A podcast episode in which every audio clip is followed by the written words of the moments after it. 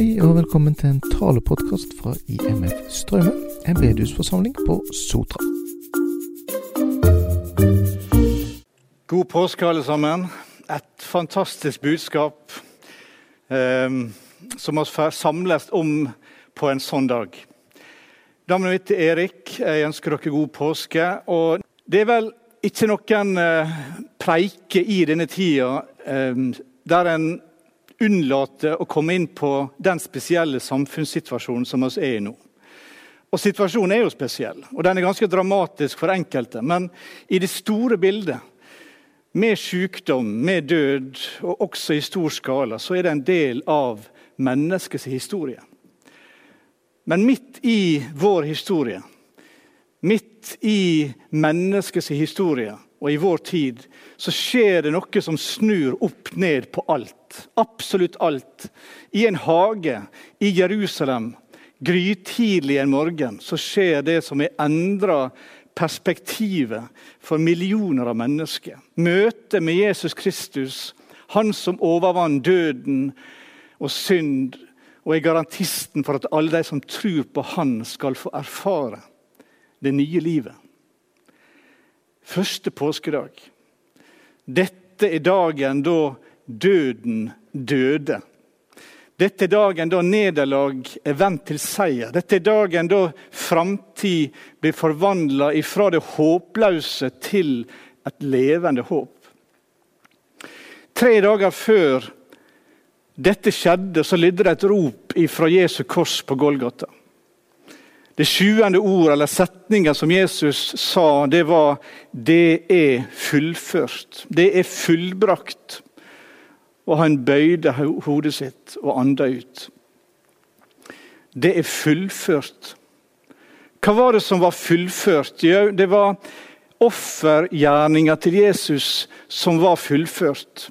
De tre timene i intenst mørke lå bak begeret, kalken som Jesus måtte tømme, den var uttømt. Guds vrede var lagt på han. Det er fullbrakt. Det, det var ikke et desperat rop fra en, en hjelpeløs martyr. Det var ikke et uttrykk for en lettelse over at nå var lidelsen kom til sin ende. Nei, snarere var det en erklæring ifra vår frelser om at det han hadde kommet til verden for å gjøre, det var nå gjort. Og snart så bøyde han hodet sitt og oppgav sin ånd, som det stender i mange bibeloversettelser. Fiendene trakk et lettelsens sukk. De hadde endelig klart å ta livet av han. Problemet var liksom ute av verden. Det vil si, de trodde det. De trodde de hadde tatt livet av han. Pilatus var veldig overraska. Er han alt død? Denne sterke, denne kraftige tømmermannssønnen som hadde stått framfor han, var han, holdt han virkelig ikke ut lenger?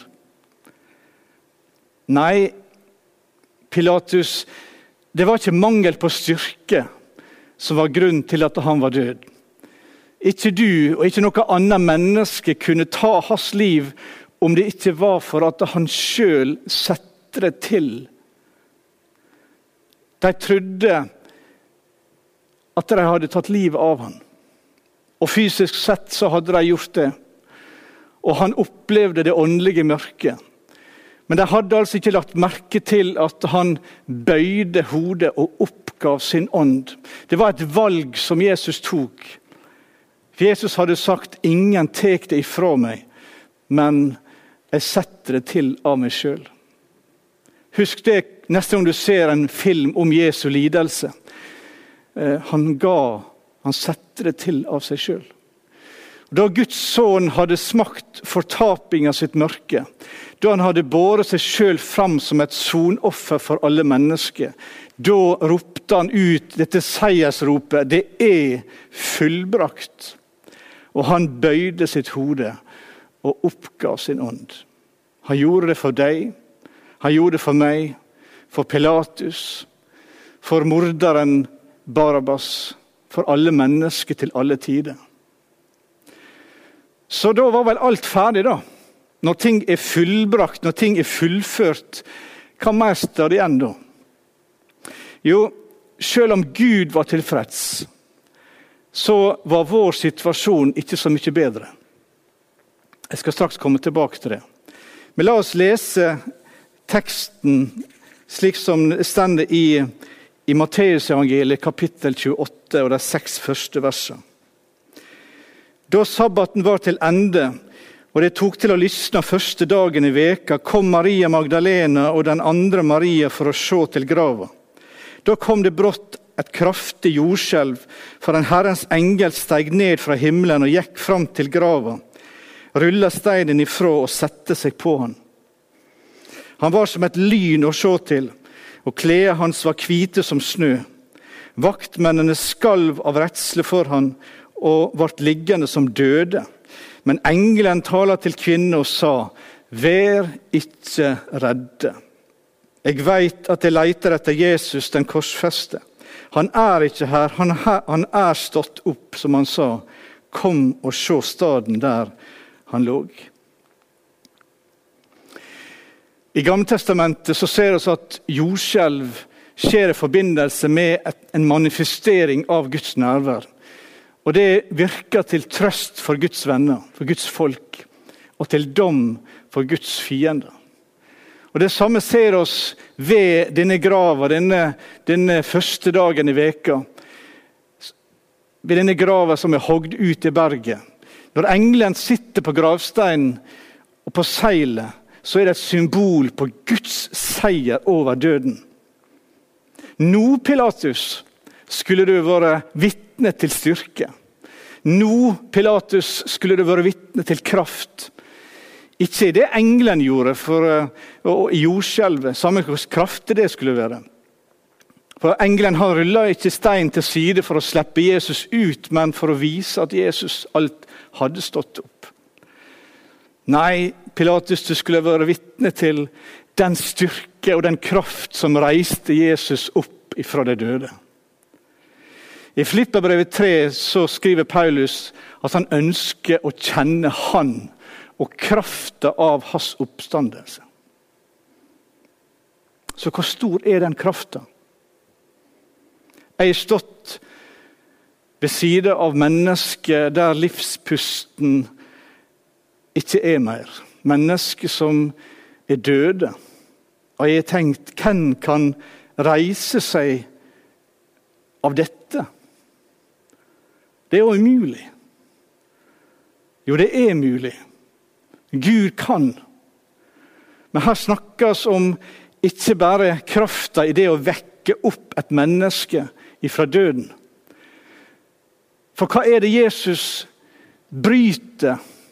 Tenk deg alle mine og dine løgner. Vår egoisme, våre dårlige motiv osv. osv. Legg til all menneskelig vondskap, slik vi ser det i, i krig. Legg til tortur, overgrep, menneskehandel. Legg til slaveri osv. osv. Prøv å forestille deg alt som er skjedd fra det første mennesket og til det siste mennesket som skal leve i denne verden. Og alt som er skjedd og vil skje. Og legg det sammen. Og forestill deg den kraft som må til for å bryte dette og beseire det. Det er Jesu oppstandelseskraft. Jesus gjorde det. Jesus han er oppstanden, og han lever. Så vær ikke redde, sier engelen.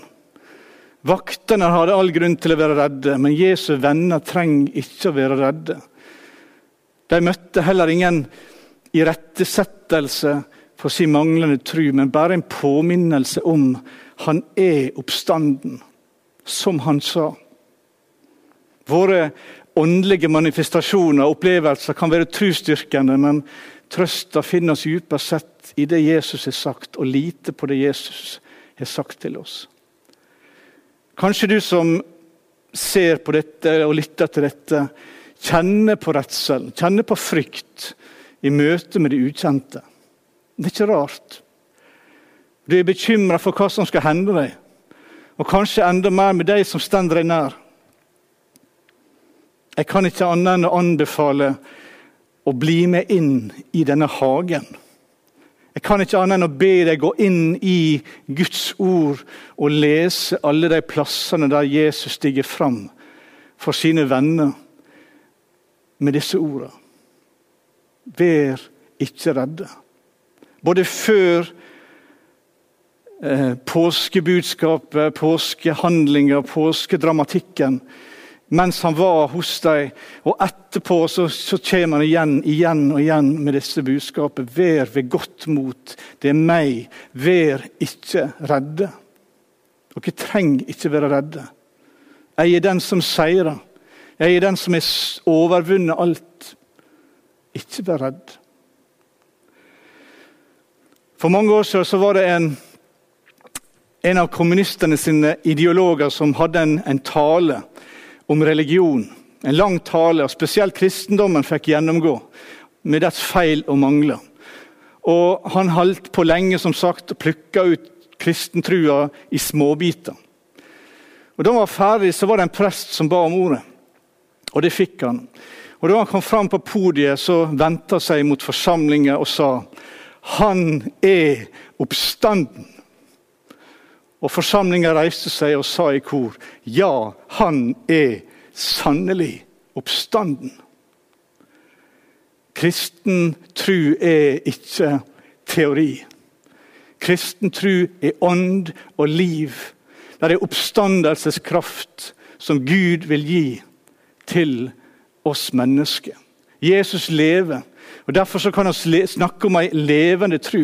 Vi ber ikke til stokk og stein, men til en levende, oppstanden frelser. Oppstandelsen var nødvendig for å gjøre trua mulig for oss. For uten at den fullkomne seieren på Golgata ble åpenbart i og med oppstandelsen sin triumf, så vil ikke trua vår på Guds sønn være mulig. Derfor så blir den frelse som ble vunnet på korset for oss, først tilgjengelig i den oppstandende. I Han som ble opphøyd som mellommann mellom Gud og menneske. De som var så lure å skaffe seg Avana-ressursen advokater, de, der, de har kanskje denne påska i forbindelse med den sett en episode om oppstandelsen. Og Der er det en samtale med en som heter J. Warner Wallace. En, en svært erfaren etterforsker, en drapsetterforsker som eh, etter jeg forstår knapt har en uoppklart sak bak seg. Han var ateist fram til han var 35 år. Han var skeptisk til det meste, og i hvert fall til kristen tro. Men så begynte han å lese Nytestamentet for å finne bevis for disse påstandene Jesus hadde om seg sjøl. Og han beit seg merke til ordene fra Paulus om at dersom ikke Kristus er stått opp, da er forkynnelsen vår tomme ord. Og den trua dere har, er tom. Så han gikk inn i disse tekstene, og basert på sin egen erfaring som etterforsker, så ser han detaljer i disse tekstene som ble underbygd av moderne vitenskap. F.eks. dette at det gikk mange hundre år før noen hadde peiling på det at det rant vann ut fra Jesus' side, var et tegn på at døden hadde inntruffet. Og Når det gjelder oppstandelsen, så spurte Wallace seg kunne dette bare vært løgn. Og Han endte opp med å slå fast det er bare for mange vitner.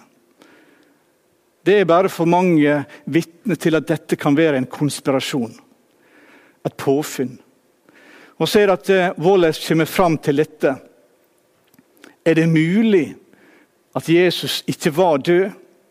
Ja, det er mulig, men det er ikke sannsynlig. Er det mulig at grava ikke var tom? Ja, det er mulig, men det er ikke sannsynlig. Det eneste sannsynlige er at Jesus døde, og han sto opp igjen akkurat slik som det er skildra i disse tekstene. Og da jeg innså det, sier han, endra det alt. Jeg trodde at det jeg las, var sannhet. Men fremdeles så var han ingen kristen. For han forsto ikke hvorfor dette måtte hende. Hvorfor gjorde Gud dette? Han forsto ikke hvorfor Gud måtte la dette skje med Jesus. La meg derfor understreke noe viktig om hva betydningen denne oppstandelsen har. For det første så har det en betydning for, for Jesus sjøl. Oppstandelsen er det offisielle bevis for at han er Guds sønn. Romerbrevet 1,4 sier det at uh, han er godtgjort å være Guds veldige sønn ved oppståa fra de døde. Jesus Kristus, vår Herre. Makta til å løse døden sine bånd og ta sitt liv igjen, den har han ifra Gud. Og i kraft av dette så har han også blitt herre over døde og over levende. Og i Romerbrevet 14,9 så står det Derfor døde Kristus og ble levende att, for at han skulle være herre over både levende og døde. Han er blitt dommer for alle mennesker, står det i apostelgjerningen 10. Han reiste Gud opp den, på den tredje dagen. Han baud oss å forkynne for folk og vitne at han er den som Gud har sett til å være dommer over levende og døde. Og Ved oppstandelsen så er han også som menneske en gang for, for, for evig lagt dommen og dødens grunn bak seg og brakt liv og uforgjengelighet fram i dagen. Vi veit at etter at Kristus er oppreist fra de døde, så dør han ikke mer. Døden har ikke lenger noe makt over han. Dette betyr det for Jesus. Men det betyr også noe for alle mennesker i hele vår verden. Fordi døden kom ved et menneske, står det i 1. Korinterbrev 15, vers 21 og 22. Fordi døden kom i et menneske, så er jo også oppstandelsen av døde kommet ved et menneske. For liksom alle dør i Adam, altså det første mennesket, så, således skal òg alle gjøres levende i Kristus. Jesu oppstandelse betyr derfor at døden ikke er det siste for, for oss mennesker. Døden kan ikke skjule, døden kan ikke hjelpe noen. Alle oss mennesker må oppstå og stilles til regnskap for den levende Gud. Visstnok skal det skje i, i, ulike avdelinger, i ulike tidsbolker. Men, eh, og de, oss som kristne tror at vi skal bli henta hjem av Jesus når han kommer. Men også de som ikke tror, sier Guds ord, skal møte Gud, skal reises opp av døden og møte Gud ved tidenes ende. Det er alvoret for alle mennesker i denne verden. Jesu oppstandelse har den betydning at grava ikke er det siste for noen av oss. Og skal alle stå til ansvar for våre liv og de valgene som er gjort i forhold til den Gud som har skapt alt. Som har skapt oss til å ha fellesskap med Han. Og så er Jesu oppstandelse av avgjørende betydning for, for Guds folk. For nå har vissheten om skyldspørsmålet mellom Gud og oss mennesker til det fullkomne blitt løst. Jesus han ofra seg sjøl for å forlike oss med Gud. Og som jeg sa i stad, han ropte ut 'Det er fullbrakt'. Men var det sant? kan jeg stole på at Gud han er tilfreds med dette og aldri mer vil forlange noe av oss for vår frelse. Og Guds svar på dette er at han reiste Jesus opp ifra døden. Gud anerkjente han og hans offer. Og Derfor så ble han oppreist ved sin herlighet. Det vil si, Gud rettferdiggjorde han ved å reise han opp igjen. Og På den måten så vet oss at skyldspørsmålet for oss mennesker er ute av verden. Og så vet vi også at det selve eh, oss kan være rettferdige for Gud. Fordi Kristus ble oppreist til vår rettferdiggjørelse. Hør hva det står i, eh, i eh, Romerbrevet 5, kapittel 6, vers 9-11. For vi veit at etter at Kristus er oppreist fra de døde, så dør han ikke mer. Døden har ikke lenger noen makt over han, for døden sin, den døde han en gang over synda. Men livet sitt, det lever han for Gud. Således skal det òg rekne dykk som døde for synda, men levende for Gud i Kristus Jesus. Jesus døde for oss, men han også lever for oss. Og Hans død og hans liv er vårt, og det er alt gjort for, for oss, ikke for han sjøl. Derfor skal oss også få leve. Døden har ingen makt over Guds folk, over makt over en kristen. For han har ingen makt over Jesus heller. Men også for framtida så har hans oppstandelse betydning for oss. Enorm betydelse for oss. Fordi hans oppstandelse er en kjensgjerning, så er det ingen av oss som er kommet forgjeves til tru. Da tror oss ikke på Jesus bare for dette livet.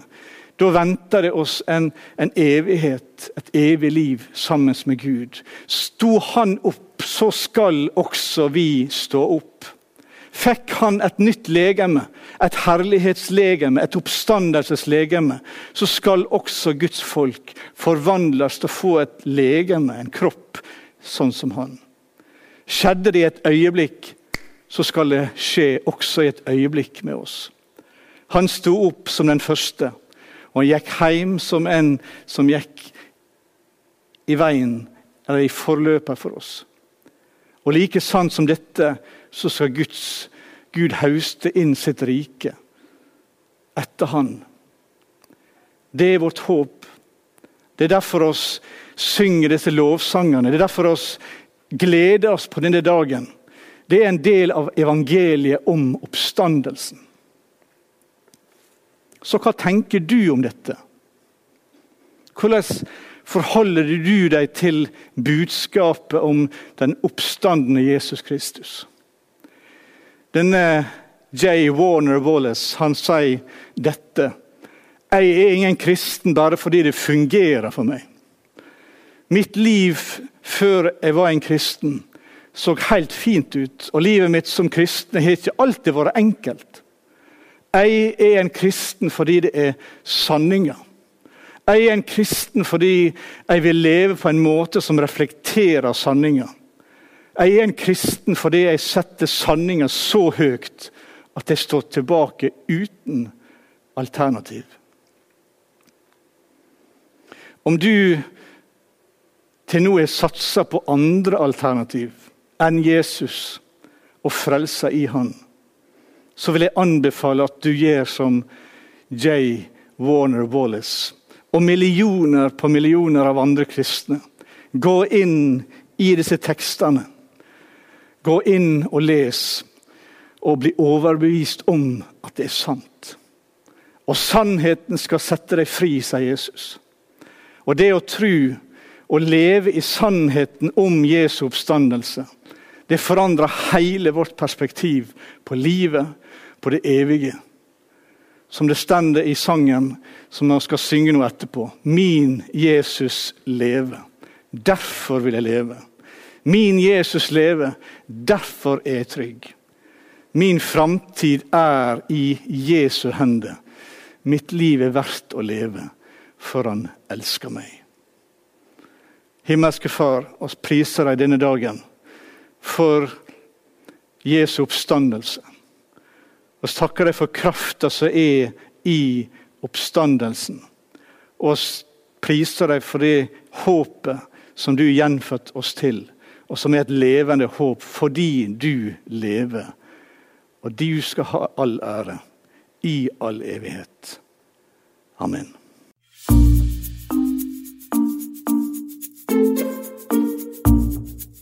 Du har nå hørt en tale fra bedehusforsamlingen IMF Straume på Sotra. Du finner oss i Strømmeforum. Velkommen til å besøke oss der, eller se mer om oss på nettsidene hjemmestrømme.no, eller på våre Facebook-sider.